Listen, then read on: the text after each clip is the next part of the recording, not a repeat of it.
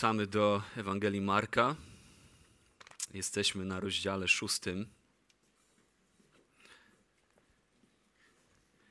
Dzisiaj będziemy rozważać fragment od wersetu 30 do wersetu 44, ale będziemy to robić też w świetle tego fragmentu wyżej, który opowiada o śmierci Jana Chrzciciela, czyli de facto od wersetu 14 do wersetu 44. Ostatnim razem, kiedy patrzyliśmy na fragment od wersetu 7, szósty rozdział od siódmego wersetu, spojrzeliśmy na to, że jako zwiastuni Bożej prawdy, ci, którzy nie tylko są wzywani przez Boga do tego, żeby być z Nim, żeby znaleźć w Nim życie w Chrystusie, jesteśmy tymi, którzy są też przez Niego wysłani, wysłani z przesłaniem Ewangelii, dobrej nowiny o zbawieniu dla każdego człowieka, który w skrusze wyzna swoje grzechy i chwyci się ufnością Chrystusa jako doskonałego i wystarczającego Zbawiciela i Pana. I patrzyliśmy na to, że jako zwiastuni Bożej prawdy, jako ci, którzy są posłani z Bożą prawdą na świat, że będziemy doświadczać zarówno przyjęcia ze strony ludzi, że będą ci, którzy są przeznaczeni do zbawienia, ci, których Pan Bóg wybrał, aby oni mogli odpowiedzieć na wyzwanie Ewangelii właśnie wiarą i upamiętaniem, ale że też doświadczymy odrzucenia, więc doświadczymy zarówno przyjęcia, jak i odrzucenia. I spojrzeliśmy na to, że wierność Bogu może w zasadzie kosztować nas wszystko. I spojrzeliśmy na to, jak właśnie historia o śmierci Jana Chrzciciela wyjątkowy sposób, w mądry sposób została umieszczona przez Marka właśnie pomiędzy tą relacją wysłania uczniów i ich powrotu z misji. W środek wydaje się jakby ni stąd, ni zowąd Marek wrzuca historię o śmierci Jana Chrzciciela, ale ona ma dokładnie ilustrować tę prawdę, że wierność Bogu może kosztować wszystko, tak jak było to w przypadku Jana Chrzciciela. Wzywanie ludzi do upamiętania, wzywanie ludzi do zawierzenia swojego życia Chrystusowi, uznania, że to On jest Panem i On jest Bogiem, któremu należy się moje życie, jest takim przesłaniem, które może spotkać się z najbardziej wrogim odbiorem i zaprawdę może kosztować nas wiele, a nawet wszystko. I w tym musimy pamiętać, że no właśnie, my jesteśmy wezwani przede wszystkim do wierności. My nie jesteśmy wezwani do bycia atrakcyjnymi. My jesteśmy wezwani do tego, by być wiernymi, być wiernymi temu przesłaniu, które jest biblijnym przesłaniem o tym, kim jest Jezus i co Jego życie, Jego śmierć, Jego zmartwychwstanie oznaczają dla mojego życia i dla życia ludzi wokół mnie. Więc pierwszorzędnie jesteśmy wezwani do bycia wiernym przesłaniu Ewangelii, a nie do bycia atrakcyjnym. To jest bardzo ważna myśl. Ewangelia, dobra nowina o Jezusie Chrystusie, przedstawiana w wierny, biblijny sposób, bez deformacji, bez upiększania, bez uatrakcyjniania tej dobrej nowiny. Niestety, Słowo Boże uczy nas i myślę, że życie to weryfikuje. Dla wielu będzie głupstwem i dla wielu będzie obrazą, zgorszeniem. Mówi o tym apostoł Paweł chociażby w pierwszym liście do Koryntian, w pierwszym rozdziale, wersety 23-24 że przesłanie Ewangelii będzie dla wielu głupotą, a wielu będzie obrażać. Ale dla tych, którzy uwierzą, okaże się mocą ku zbawieniu. I musimy pamiętać o tym, że przesłanie Ewangelii, przesłanie, do którego zwiastowania wzywa nas Chrystus, nie jest przekazem o tym, że Bóg wypełnił moją duchową pustkę nie jest przesłaniem o tym, że Bóg pomaga mi stawać się lepszą wersją samego siebie, lepszym człowiekiem, może bardziej moralnym. Nie jest przesłaniem o tym, że Bóg nagle pomaga mi odkrywać prawdy o życiu, że daje mi spełnienie. Albo nie jest przesłaniem o tym, że Bóg jest inteligentnym stwórcą, a dowody naukowe przemawiają za jego istnieniem, aniżeli za istnieniem ewolucji. Każda z tych rzeczy jest prawdziwa, Ale przesłaniem Ewangelii jest to, że osoba, z którą rozmawiasz, tak samo jak ty, nie należy do siebie samego. Że osoba, z którą rozmawiasz, de facto należy do Stwórcy, który dał jej życie. Nie należy do siebie samego, nie zostało jej dane prawo, by decydować o sobie samym, ale to prawo należy do Stwórcy, który dał jej życie. I niestety, w obliczu standardów tego Stwórcy, osoba, z którą rozmawiasz, nie jest dobrym człowiekiem. Tak jak ty nie jesteś dobrym człowiekiem. Że jesteśmy winni złamania Bożego prawa, o czym zresztą wyraźnie świadczy nam nasze własne sumienie. My wiemy. My wiemy, my próbujemy je uciszać, zagłuszać porównywaniem się do standardów ludzkich albo standardów, które sami sobie wymyślimy. Ale prawda jest taka, że stoimy przed Bogiem i osoba, z którą rozmawiasz, stoi przed Bogiem jako kłamca, jako cudzołożnik, jako bluźnierca, którego serce jest nieustanną fabryką bałwochwalstwa, a wyrokiem w jej sprawie będzie wieczne potępienie. I tylko ktoś z zewnątrz może ją uratować. Tylko ktoś z zewnątrz może ją uratować. Ktoś to w odróżnieniu do mnie i w odróżnieniu do ciebie i do osoby, z którą rozmawiasz, jest doskonale czysty. Jest doskonale sprawiedliwy. Ktoś, kto mógłby wystąpić w moim imieniu przed Bogiem, kto mógłby wystąpić w jej imieniu przed Bogiem, kto mógłby spłacić mój dług i Twój dług, bo swojego nie ma. Kto mógłby za mnie ponieść śmierć, bo za siebie nie musi, bo jest jedynym, który nigdy nie zgrzeszył. I kto mógłby pokonać śmierć, kto mógłby wyjść z niej zwycięsko, jako mogący dać życie innym, którzy na nim oprą swoją ufność. I całe przesłanie Biblii jest o tym, że tym kimś jest Jezus. On ze swoim życiem, ze swoją śmiercią i ze swoim zmartwychwstaniem jest doskonałym Zbawicielem, jakiego potrzebujemy. Ja i osoba, z którą rozmawiam. On jest objawieniem dla nas Boga, abyśmy mogli w Nim poznać, kim jest Bóg i cieszyć się Nim na wieki, aby nasze grzechy w Nim zostały przebaczone i abyśmy mogli stać się w Nim, otrzymać przywilej, jak pisze apostoł Jan, bycia dziećmi Bożymi, bo nimi nie jesteśmy. Dopiero w Nim, w Chrystusie, otrzymujemy prawo stać się dziećmi Bożymi. I tego Jezusa, mówi Pismo, tego Jezusa Bóg ustanowił Panem i Królem i wzywa wszystkich i wszędzie do upamiętania. To jest przesłanie Ewangelii. To jest przesłanie Ewangelii.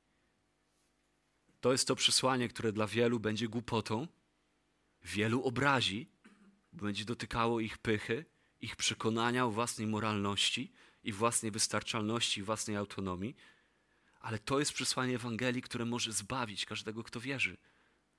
To jest przesłanie Ewangelii, o którym apostoł Paweł mówi: Nie wstydzę się Ewangelii Chrystusowej, bo ona jest mocą ku zbawieniu każdego, kto wierzy. I jeżeli ludzie w moim otoczeniu, w Twoim miejscu pracy, w Twoim sąsiedztwie, w Twojej rodzinie nigdy nie słyszeli od Ciebie takiej Ewangelii, to prawdopodobnie nigdy nie słyszeli Ewangelii. Taka Ewangelia będzie budzić pogardę. Taka Ewangelia będzie obrażać. Ale też tylko taka Ewangelia ma moc zbawić każdego, kto wierzy.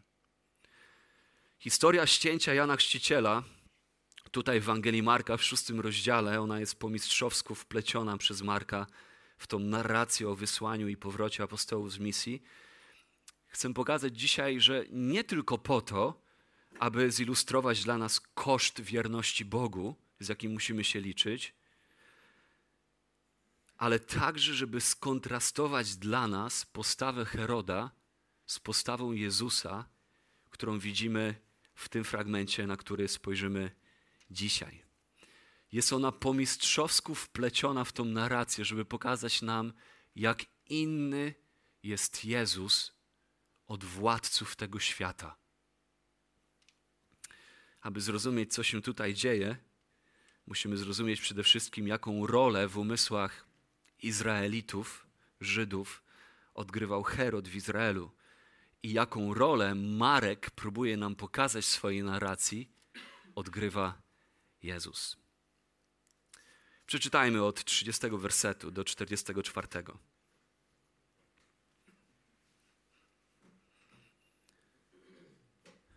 I zeszli się apostołowie u Jezusa i opowiedzieli mu wszystko, co uczynili i czego nauczali.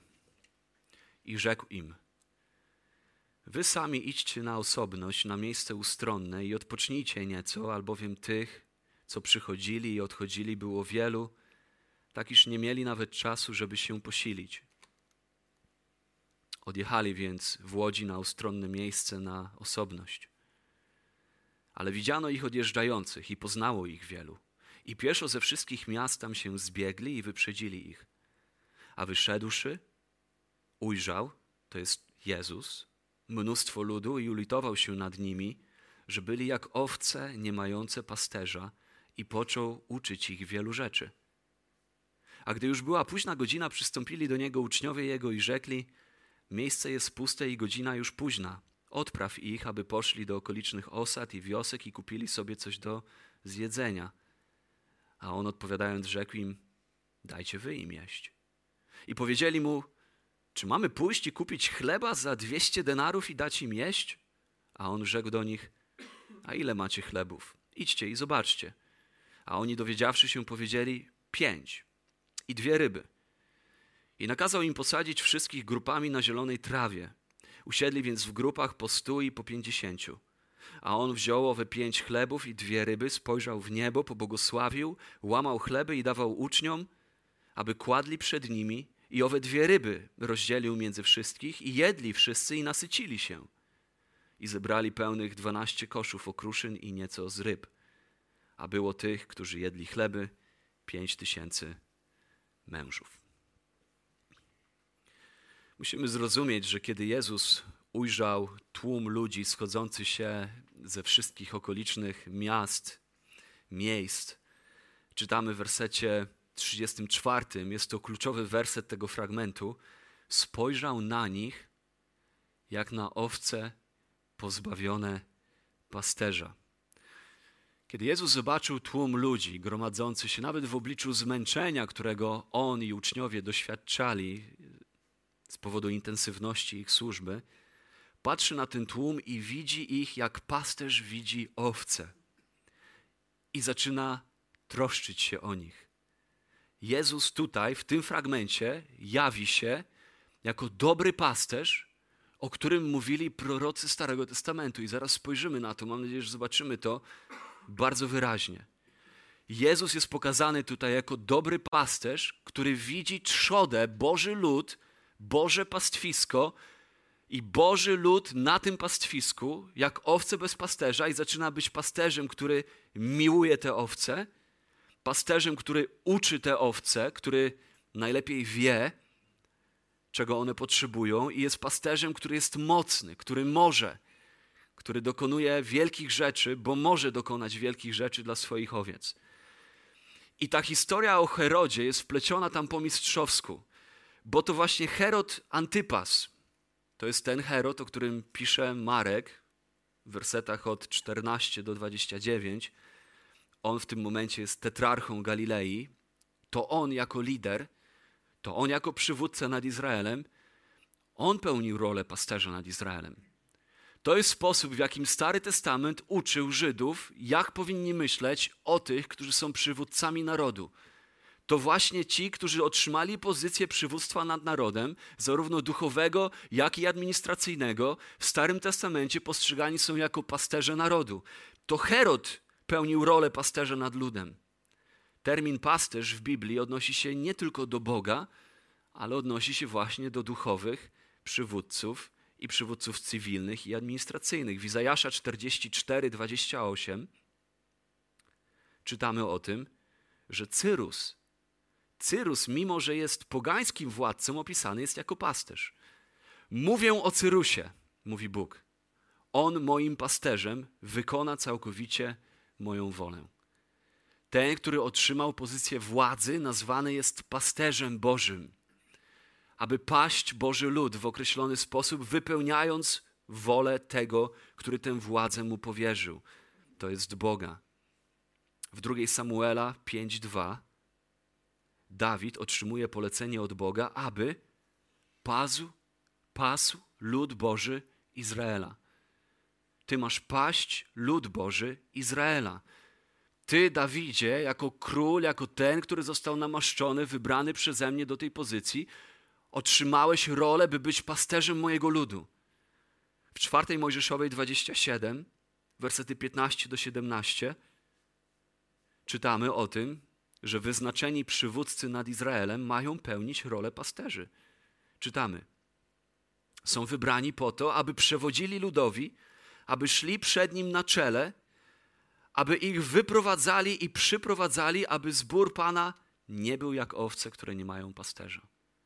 Bóg wyznacza w Izraelu przywódców poszczególnych grup ludzi, aby lud nie był jak owce bez pasterza. Ci, którzy otrzymują od Boga pozycję władzy, otrzymują ją po to, aby być pasterzami Jego ludu. Tak Żydzi rozumieli rolę przywódców w Izraelu. Herod, Antypas, jest pasterzem Izraela w tym czasie. On jest tetrarchą Galilei. On jest tym, który powinien paść Boży lud w tej narracji. Pasterz to nikt inny jak ten, który zaopatruje, który prowadzi, który chroni, który troszczy się. I Biblia używa zwrotu pasterze w odniesieniu do osób, które miały pozycję zwierzchnictwa nad ludem. W dzisiejszym języku moglibyśmy powiedzieć, że pasterzami ludu są premierzy, ministrowie, posłowie, prezydenci, sądy. To dzisiaj byliby pasterzy, pasterze ludu. I taką osobą był Herod. Herod Antypas. Jednak czytamy bardzo wyraźnie, że Herod był złym pasterzem. Nie był pasterzem, który chroni, który troszczy się, który dba o owce. Był pasterzem, nad jakim Ezechiel wiele set lat wcześniej wypowiadał sąd Boży w Ezechiela w 34 rozdziale. W Ewangelii Marka w szóstym rozdziale, tam jak macie swoje Bible i są różne przypisy, możecie sobie dopisać na marginesie Ezechiela 34.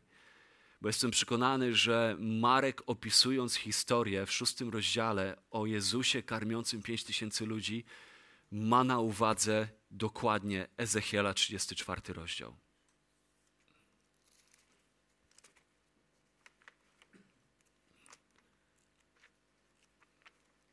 Ezechiela 34.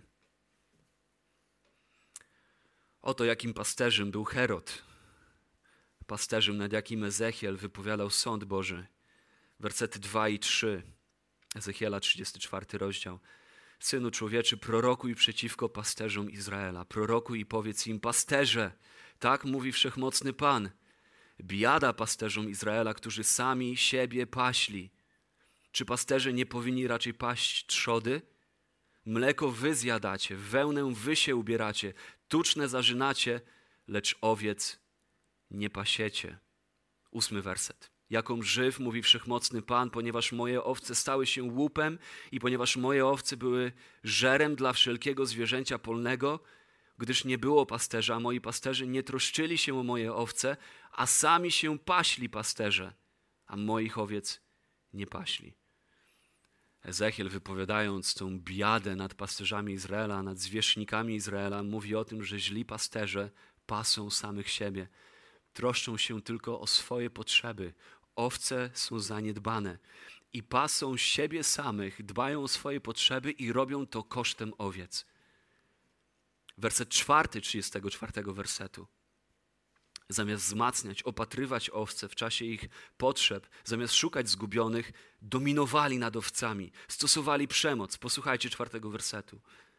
Słabej owcy nie wzmacnialiście, chorej nie leczyliście, skaleczonej nie opatrywaliście, zbłąkanej nie sprowadzaliście z powrotem, zagubionej nie szukaliście, a nawet silną rządziliście kwałtem i surową. To jest sąd wypowiedziany nad pasterzami Izraela. Wersety 5 i 6. To z kolei sprawiło, sposób w jaki ci pasterze paśli owce Izraela, to sprawiło, że owce stały się bezbronne wobec drapieżników, wobec obcych narodów i rozproszyły się po całej krainie. Wersety 5 i 6.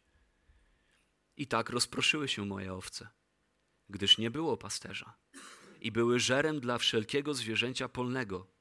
Rozproszyły się i błąkały się moje owce po wszystkich górach i po wszystkich wysokich pagórkach i po całym kraju rozproszyły się moje owce, a nie było nikogo, kto by się o nie zatroszczył lub ich szukał. To jest dokładnie to, co widzimy na przykładzie Heroda Antypasa. I to, jak opisane jest jego życie, jego wartości, jego postępowanie w Ewangelii Marka w szóstym rozdziale. Wracamy do Ewangelii Marka, szósty rozdział, wersety 17-18. Albowiem sam Herod posłał i pojmał Jana i wtrącił go zakutego w kajdany do więzienia z powodu Herodiady, żony Filipa, brata swego, gdyż pojął ją za żonę. Bo Jan mówił Herodowi, nie wolno ci mieć żony brata swego. Herod Antypas, syn Heroda Wielkiego. Herod Wielki to jest ten, który próbował dokonać rzezi niemowlątek w Betlejem, a to jest jego syn tutaj, Herod Antypas.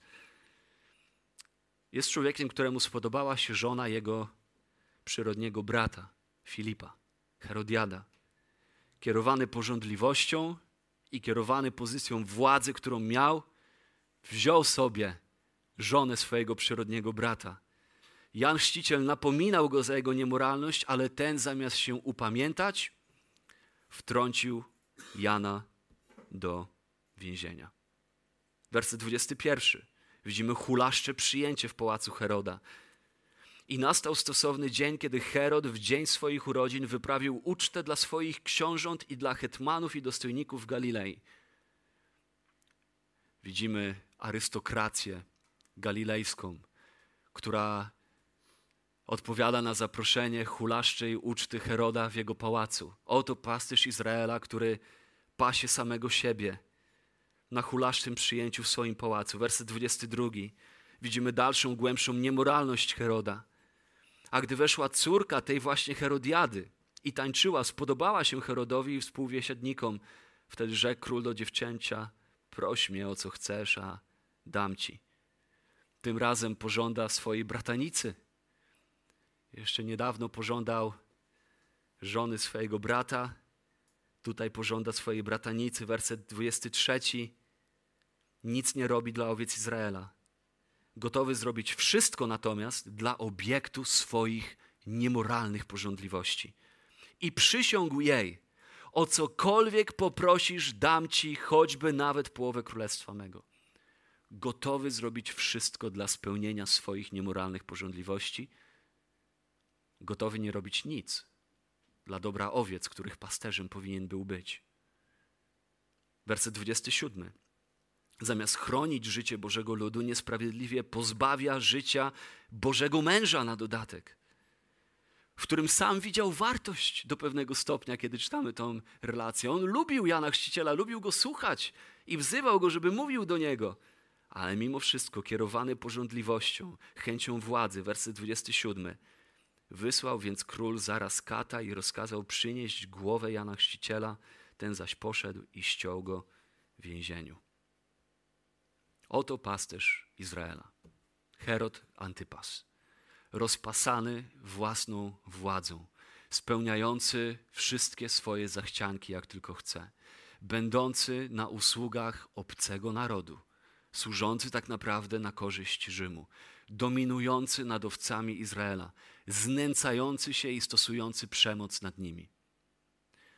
I nagle, na koniec tego opisu, ze sceny wyłania się Jezus, który stoi w kompletnym, totalnym kontraście do tego, jakim przed chwilą poznaliśmy Heroda. Widzimy najpierw troskę Jezusa o uczniów, kiedy mówi do nich: idźcie na osobność od wersetu 31. Wy potrzebujecie odpoczynku, bo ludzi i potrzeb było tyle, że nie mieli czasu nawet się posilić. Jednak czytamy bardzo szybko, że próba udania się na odpoczynek nie udaje się. Bo kiedy Jezus zobaczył tłum, werset 34, ulitował się nad nim. Jego serce było przejęte troską o lud, który zobaczył. Ciekawe jest to, że Marek używa tutaj słowa ustronne miejsce. Werset 31 mówi do uczniów: Wy idźcie na ustronne miejsce. Potem werset 32 odjechali w łodzi na ustronne miejsce. Werset 35 miejsce jest puste, to jest dokładnie to samo słowo. Ustronne, puste to jest to samo greckie słowo. Miejsce jest puste i godzina jest późna. To jest ciekawe słowo, którego decyduje się użyć Marek, bo to jest to samo słowo, które znajdujemy w greckim przekładzie Starego Testamentu, w tak zwanej Septuagincie, które w Starym Testamencie zazwyczaj używane jest jako opis 40-letniej tułaczki Izraela na pustyni. To jest to słowo pustynia w języku greckim, w tłumaczeniu greckim Starego Testamentu. Właśnie to słowo jest najczęściej używane. To jest ciekawe, ponieważ to miejsce w Galilei, o którym jest tutaj mowa w Marka w szóstym rozdziale, nie jest pustynią. Czytamy zresztą o tym w innym wersecie, gdzie kazał posadzić ich na zielonej trawie. Więc wiemy, że to miejsce nie było pustynią taką, jaką była pustynia, po której tułali się Izraelici 40 lat temu. Ale Marek celowo używa tego słownictwa, którego używa, aby pokazać, że jego opis jest echem i chociaż to miejsce Galilei nie było pustynią, to Marek używa tego słowa jako echo doświadczeń Izraela na pustyni. Bo tak jak Bóg był pasterzem swojego ludu na tamtym pustkowiu, na tamtym pustym miejscu, na tamtym ustronnym miejscu, był przewodnikiem swojego ludu i był zaopatrzycielem ludu, kiedy byli na pustyni, tak Jezus w tym fragmencie okaże się że On jest przewodnikiem i zaopatrzycielem ludu Izraela na tym pustkowiu, na tym ustronnym miejscu. Tak jak Bóg zaopatrzył lud w cudowny sposób w mannę, tak tutaj Jezus zaopatrzy lud w cudowny sposób w chleb i w ryby. Pasterz, który miłuje. Spójrzmy pod kilkoma nagłówkami. Pasterz, który miłuje. Werset 34. I Jezus, kiedy spojrzał na tłum, ulitował się nad nim. To jest też ciekawe greckie słowo, bo to słowo greckie w Nowym Testamencie używane jest tylko i wyłącznie w odniesieniu do Jezusa. Nigdy nikt w Nowym Testamencie nie jest opisany tym słowem, kiedy się ulitował nad kimś albo umiłował kogoś, użalił się nad kimś. Tylko w odniesieniu do Jezusa. Jest to greckie słowo, które odnosi się do fizycznego odczuwania bólu w swoich bebechach, można powiedzieć. To jest bardzo opisowe, bardzo graficzne słowo. Kiedy Jezus spojrzał na ten tłum, aż poczuł to w środku. My znamy to uczucie, kiedy się stresujemy, prawda? Kiedy tutaj nas ściska, kiedy tutaj nas boli. My, my wiemy, jak emocje mogą być odczuwane wręcz w fizyczny sposób w naszym ciele. To jest to słowo. To słowo opisuje uczucie litości, współczucia, miłości do ludzi, których widzisz w potrzebie. To jest to, co Jezus czuje w tym momencie, widząc ten tłum. Jest przejęty do głębi. W głębi, aż fizycznie w swoim ciele odczuwa współczucie i miłość do tych ludzi. On jest pasterzem, który miłuje. Do tego stopnia, że odkłada potrzeby swoich uczniów i swoje własne, aby ulitować się nad nimi. Widzi lud, który jest opuszczony, który nie ma kierunku, nie wie dokąd zmierza, jest ludem bez celu, jest bez przywódcy. Herod zamiast paść lud, pasie samego siebie, w pałacu jeszcze ścina i głowę Jana Chrzciciela. Oto lud, który jest bez opiekuna, a więc umiłował ten lud. Ze współczuciem spojrzał na niego Mateusz pisze nam, kiedy opisuje to wydarzenie, Mateusza 9:36. Mateusza 9:36. Użalił się nad ludem, to jest to samo słowo. Współczuciem był przejęty, gdyż lud był utrudzony i opuszczony jak owce, które nie mają pasterza. Oto Jezus widzi lud, który jest utrudzony i opuszczony. I kiedybyśmy się cofnęli do Ezechiela, 34 rozdział, i tym razem przeczytali werset jedenasty, to tam czytamy, że w kontraście do tych złych pasterzy Izraela, nad którymi przed chwilą Ezechiel wypowiadał sąd Boży, tutaj czytamy, gdyż tak mówi wszechmocny Pan. Ezechiela 34:11. Oto ja sam zatroszczę się o moje owce i ja będę ich doglądał. I od wersetu 15 czytamy: Ja sam będę pasł moje owce i ja sam ułożę je na ich legowisku, mówi wszechmocny Pan. Będę szukał zaginionych, rozproszone sprowadzę z powrotem, zranione opatrzę, chore wzmocnię, tłustych i mocnych będę strzegł i będę pas sprawiedliwie. Do was zaś, moje owce, mówi wszechmocny Pan, oto ja rozsądzę między owcą a owcą, między baranami i kozłami. Czy nie dość wam tego, że spasacie najlepsze pastwisko, ale jeszcze resztę waszego pastwiska depczecie swoimi nogami, pijecie czystą wodę, ale jeszcze, pozosta jeszcze pozostałą resztę mącicie swoimi nogami. I moje owce musiały paść się na tym, co zdeptały wasze nogi i pić to, co zmąciły wasze nogi. Dlatego tak mówi do nich wszechmocny Pan.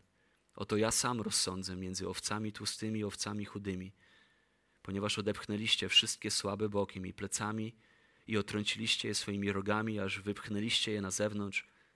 Dlatego ja wyratuję moją trzodę i ona już nie będzie łupem. Rozsądzę między owcą a owcą. I werset 23. I ustanowię nad nimi jednego pasterza, mojego sługę Dawida. I on będzie je pasł. Będzie je pasł i będzie ich pasterzem.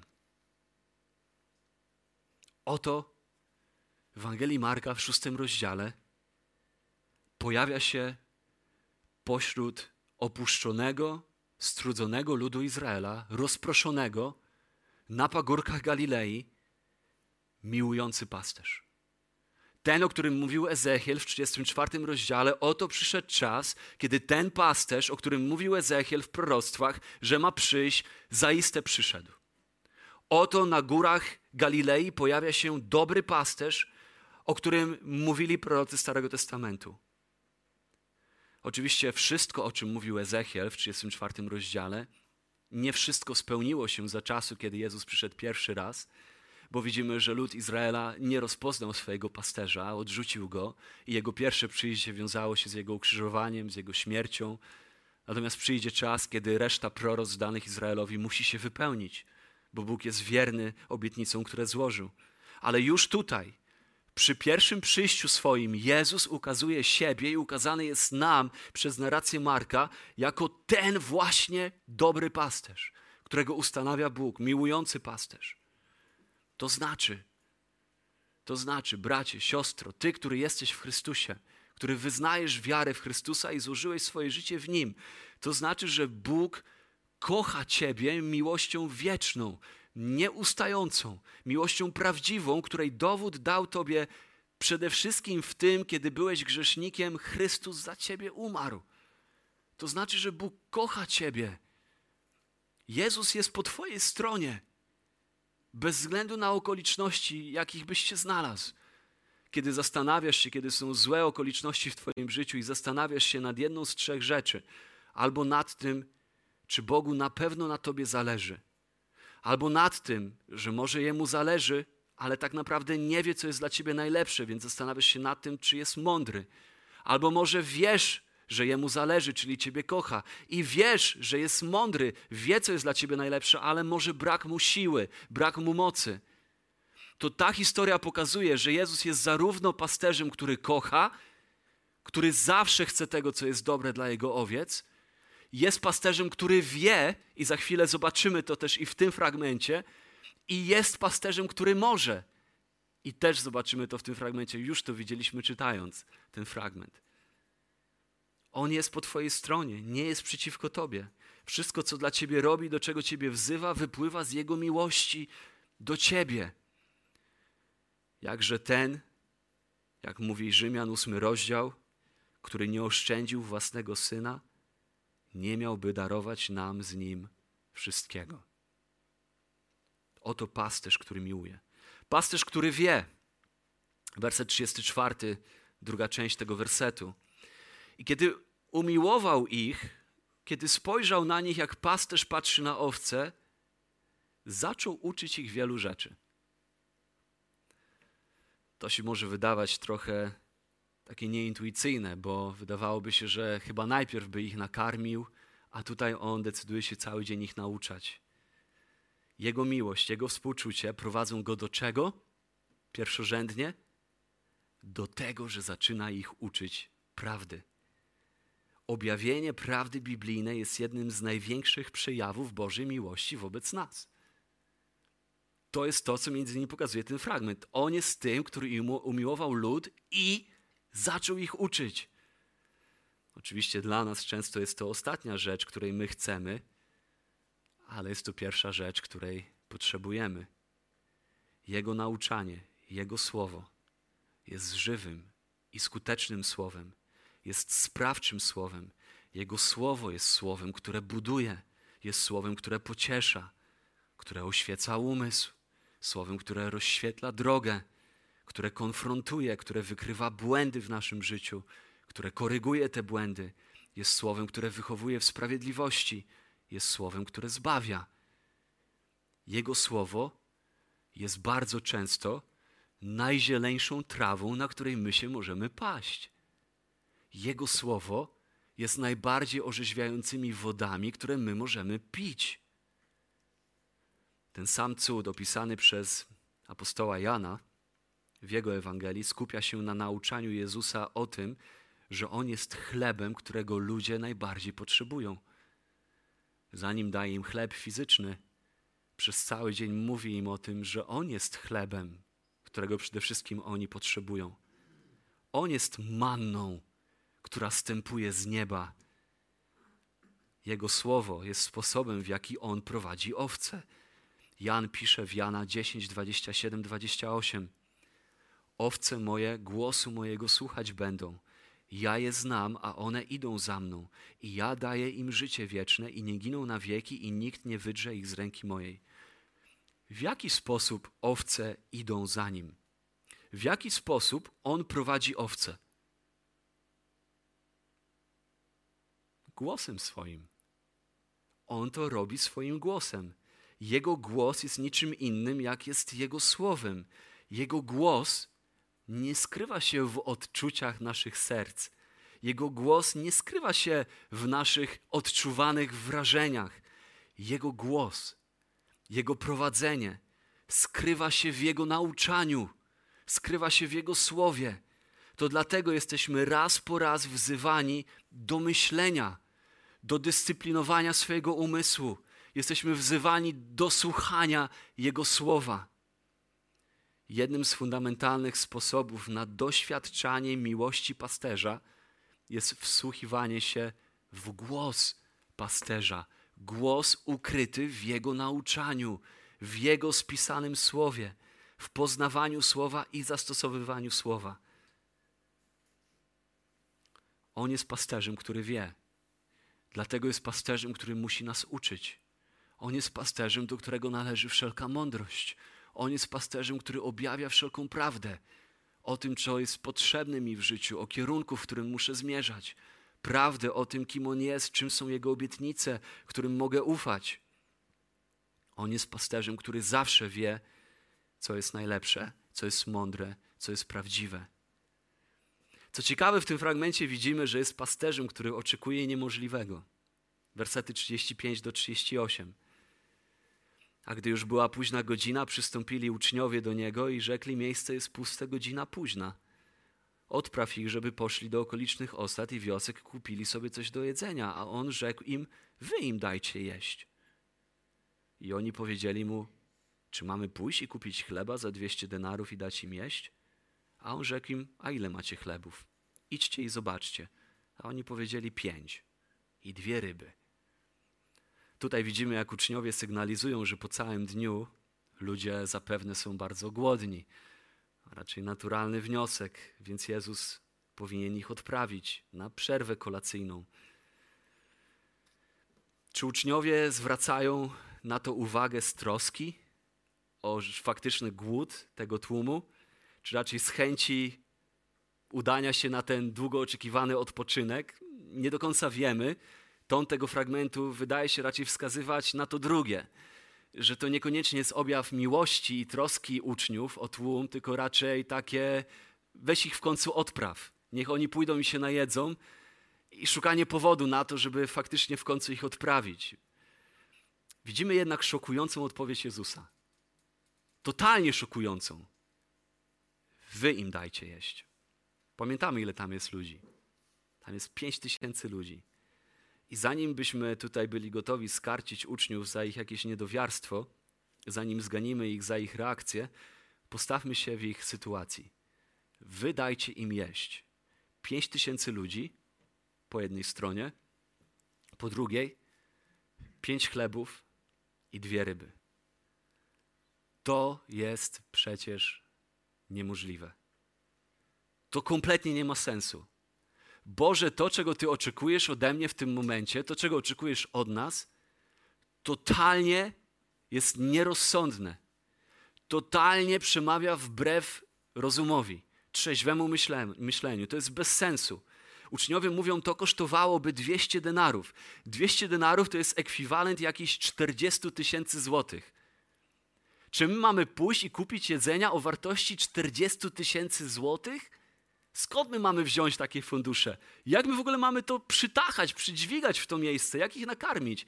Jest masa czynników, które wskazują na totalną niemożliwość spełnienia tego, czego Jezus od nich oczekuje. To, czego oczekuje ode mnie Bóg, na mój rozum jest bez sensu. Nie opłaca mi się, nie kalkuluje się, nie brzmi rozsądnie. Czyż Bóg nie wie, czym ja dysponuję? Czyż Bóg nie wie, ile ja jestem zdolny unieść? Czyż Bóg nie powinien dawać mi zawsze na miarę moich możliwości? Bo przecież my uwierzyliśmy w to hasło, to klisze chrześcijańskie, które mówi: Bóg nigdy nie da tobie więcej, niż jesteś w stanie znieść. Ale czy to jest na pewno prawdą biblijną? Czy doświadczeniem apostoła Pawła w drugim liście Koryntian, w pierwszym rozdziale, dziewiątym wersecie, jak pisze apostoł Paweł sam o sobie, czyż jego doświadczeniem nie było to, cytując, Bóg dał nam więcej, niż byliśmy w stanie znieść? byliśmy doświadczeni ponad siły nasze. Także zwątpiliśmy o życiu naszym, pisze apostoł Paweł. Po co? Dlaczego Bóg to zrobił? Paweł kontynuuje. Abyśmy nie polegali na ciele, ale na tym, który wzbudza z martwych. Zielone niwy, spokojne wody, Panie Boże, to rozumiem. Ta część jest fajna. Ale ciemne doliny śmierci to jest bez sensu. Przecież przez to nie da się przejść. Panie Boże, co Ty włożyłeś w moje ręce? Przed jakim zadaniem Ty mnie postawiłeś? Przecież to jest ponad moje siły. Odpowiedź? Otóż to. Otóż to. To ma być ponad Twoje siły. Abyśmy nie na sobie samych polegali, ale na Bogu, który wzbudza umarłych. Abyśmy nie na sobie samych polegali, ale na Bogu. Musimy zdawać sobie sprawę z tego, przypominać sobie o tym, że życie godne Ewangelii, którą Bóg nas zbawił i wszystko, co to życie uwzględnia, nie jest rzeczą trudną. Nie jest rzeczą po prostu wymagającą. Wszystko, co uwzględnia Boże wezwanie dla nas, wszystko, co jest uwzględnione w chodzeniu z i w chodzeniu za Jezusem, nie jest w ogóle rzeczami trudnymi. Jest rzeczami niemożliwymi. Całe życie podążania za Jezusem jest wezwaniem do życia niemożliwego, do życia, które ma być ponad siły nasze przebaczyć tę krzywdę, która dotknęła mnie przecież tak głęboko. Wyznać swoje grzechy swoim dzieciom, swojej żonie, wyznać swoje grzechy swojemu szefowi i ryzykować, że według mojego mniemania wyjdę w ich oczach na słabe usza. Wyjdę na słabe usza w oczach mojej żony, kiedy się przyznam do błędu? Wyjdę na słabe usza w oczach moich dzieci? Oprzeć się pokusie, kiedy wszyscy w moim otoczeniu pochwalają to, co złe. Kiedy wszyscy wydaje się, że żyją niemoralnie i jeszcze to co, dob- to, co złe nazywają dobrym, to, co dobre nazywają złym, ja mam oprzeć się pokusie? Pokusie jakiejś niemoralnej, niemoralnemu związkowi, niemoralności? Mam okazać się uczciwym? Wbrew oczekiwań może mojego szefa, ryzykując, że stracę pracę, a przecież mam rodzinę na utrzymaniu? Bądźmy rozsądni. To się przecież nie kalkuluje. Podjąć się nowego wyzwania w służbie, kiedy jest postawiona przede mną jakaś potrzeba w służbie dla Bożej chwały, w kościele, w królestwie Bożym, kiedy to na mój rozum ja się kompletnie do tego nie nadaje. Nigdy tego nie robiłem. Podzielić się świadectwem publicznie tego, jak Bóg mnie zbawił, kiedy występowanie przed ludźmi mnie paraliżuje, jest ponad moje siły. Być regularnym dawcą, kiedy to mi samemu na wszystko nie starcza. Zerwać z grzechem, do którego się tak przywiązałem, obawiając się, że jak zerwę z tym grzechem, to stracę coś cennego, coś, co daje mi przyjemność. Mamy zaś ten skarb w naczyniach glinianych, aby się okazało, że moc, która wszystko przewyższa, jest z Boga, a nie z nas. Nasz pasterz jest pasterzem, który miłuje, który wie i który bardzo często oczekuje od nas niemożliwego. I kiedy Jezus oczekuje od nas czegoś w naszym mniemaniu niemożliwego, to robi to po to, nie aby nas przybić, ale po to, aby pokazać, że On jest wystarczający. Bo wtedy, kiedy my jesteśmy słabi, dopiero w naszym życiu tworzy się przestrzeń, żeby było widać, że On jest mocny. Ten, który mnie zbawił, ten, o którym mówię, że przecież żyje we mnie, On jest mocny. I widać to szczególnie wtedy, kiedy moje słabości są jak na talerzu, jak na tacy. On jest moim pasterzem, niczego mi nie braknie. Choćbym szedł ciemną doliną, zła się nie ulegnę. Nie dlatego, że ta ciemność mogę ją przemóc, ale dlatego, że Ty jesteś ze mną. Kiedy Jezus oczekuje od nas czegoś niemożliwego, to dlatego, że chce pokazać swoją moc. I na koniec pasterz, który może. Pasterz, który miłuje, pasterz, który zawsze wie, oczekuje niemożliwego i może, bo on chce pokazywać swoją moc. 39 do 44. Kazał ich posadzić w grupach na zielonej trawie, usiedli więc po pięćdziesięciu i po stu. On wziął te pięć chlebów, dwie ryby, spojrzał w niebo, pobłogosławił, zaczął rozdzielać i oni się najedli, nasycili się wszyscy. I jeszcze zebrali dwanaście koszów okruszyn i nieco z ryb. A było tych ludzi około pięć tysięcy mężów. Ten fragment nie jest lekcją o wartości małych grup biblijnych w kościele. Pewnie biblijne grupy w kościele mają swoją wartość, ale ten fragment jest lekcją o tożsamości Chrystusa. W cudowny, organiczny sposób z pięciu chlebów i dwóch ryb dokonuje rozmnożenia jedzenia dla pięciu tysięcy ludzi. I w tym fragmencie Marek nie ma żadnych kompleksów. Nie ma tutaj języka poetyckiego, nie ma tutaj żadnych cech alegorii, żadnych cech przenośni. Jest to historyczna narracja o tym, co się wydarzyło. Mamy tutaj historyczną relację z cudu, który dokonał się na wzgórzach Galilei na oczach pięciu tysięcy świadków. Werset 39.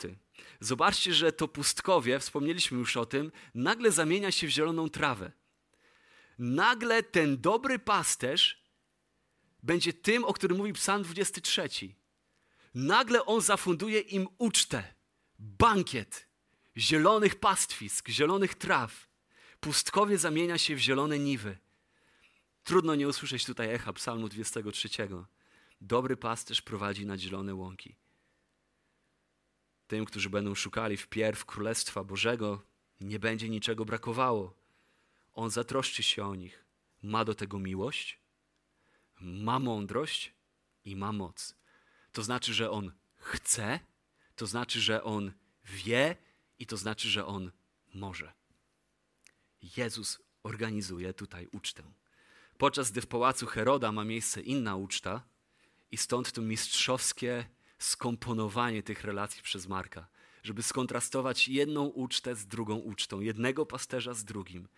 I podczas gdy w pałacu Heroda arystokraci galilejscy ucztują pasąc samych siebie, Jezus karmi ludzi niskiego rodu na otwartych wzgórzach Galilei.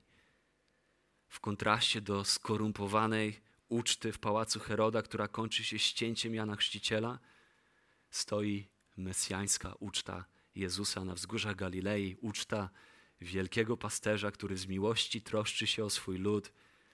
Uczta, która de facto jest zapowiedzią wspaniałego Bożego bankietu u końca czasów. Izajasza 25, wersety 6 do 9. Pan zastępów wyprawi wszystkim ludom na tej górze ucztę z tłustych potraw, ucztę z wystałych win, z tłustych potraw ze szpikiem, ze starych, dobrze wystałych win. I zniszczy na tej górze zasłonę rozpostartą nad wszystkimi ludami i przykrycie rozciągnięte nad wszystkimi narodami. Wszechmocny Pan zniszczy śmierć na wieki i zetrze łzę z każdego oblicza i usunie hańbę swojego ludu na całej ziemi, gdyż Pan powiedział – i będą mówić w owym dniu: Oto nasz Bóg, któremu zaufaliśmy, że nas wybawi. To Pan, któremu zaufaliśmy. Weselmy się i radujmy się z Jego zbawienia. Marek kontynuuje udzielanie nam odpowiedzi na pytanie, kim jest ten Jezus z Galilei. Oto Jezus. On jest tym dobrym pasterzem, na którego czekał Boży lud, który troszczy się o swoje owce. Oto nowy i lepszy Mojżesz, który karmi Boży lud na pustyni, na pustkowiu, jako mesjański król, gospodarz wielkiej uczty wszechczasów. Pytanie, ta uczta, o której mówi Izajasz, czy będziesz na niej? Czy ty będziesz na tej uczcie? Czy może spędzisz wieczność w piekle?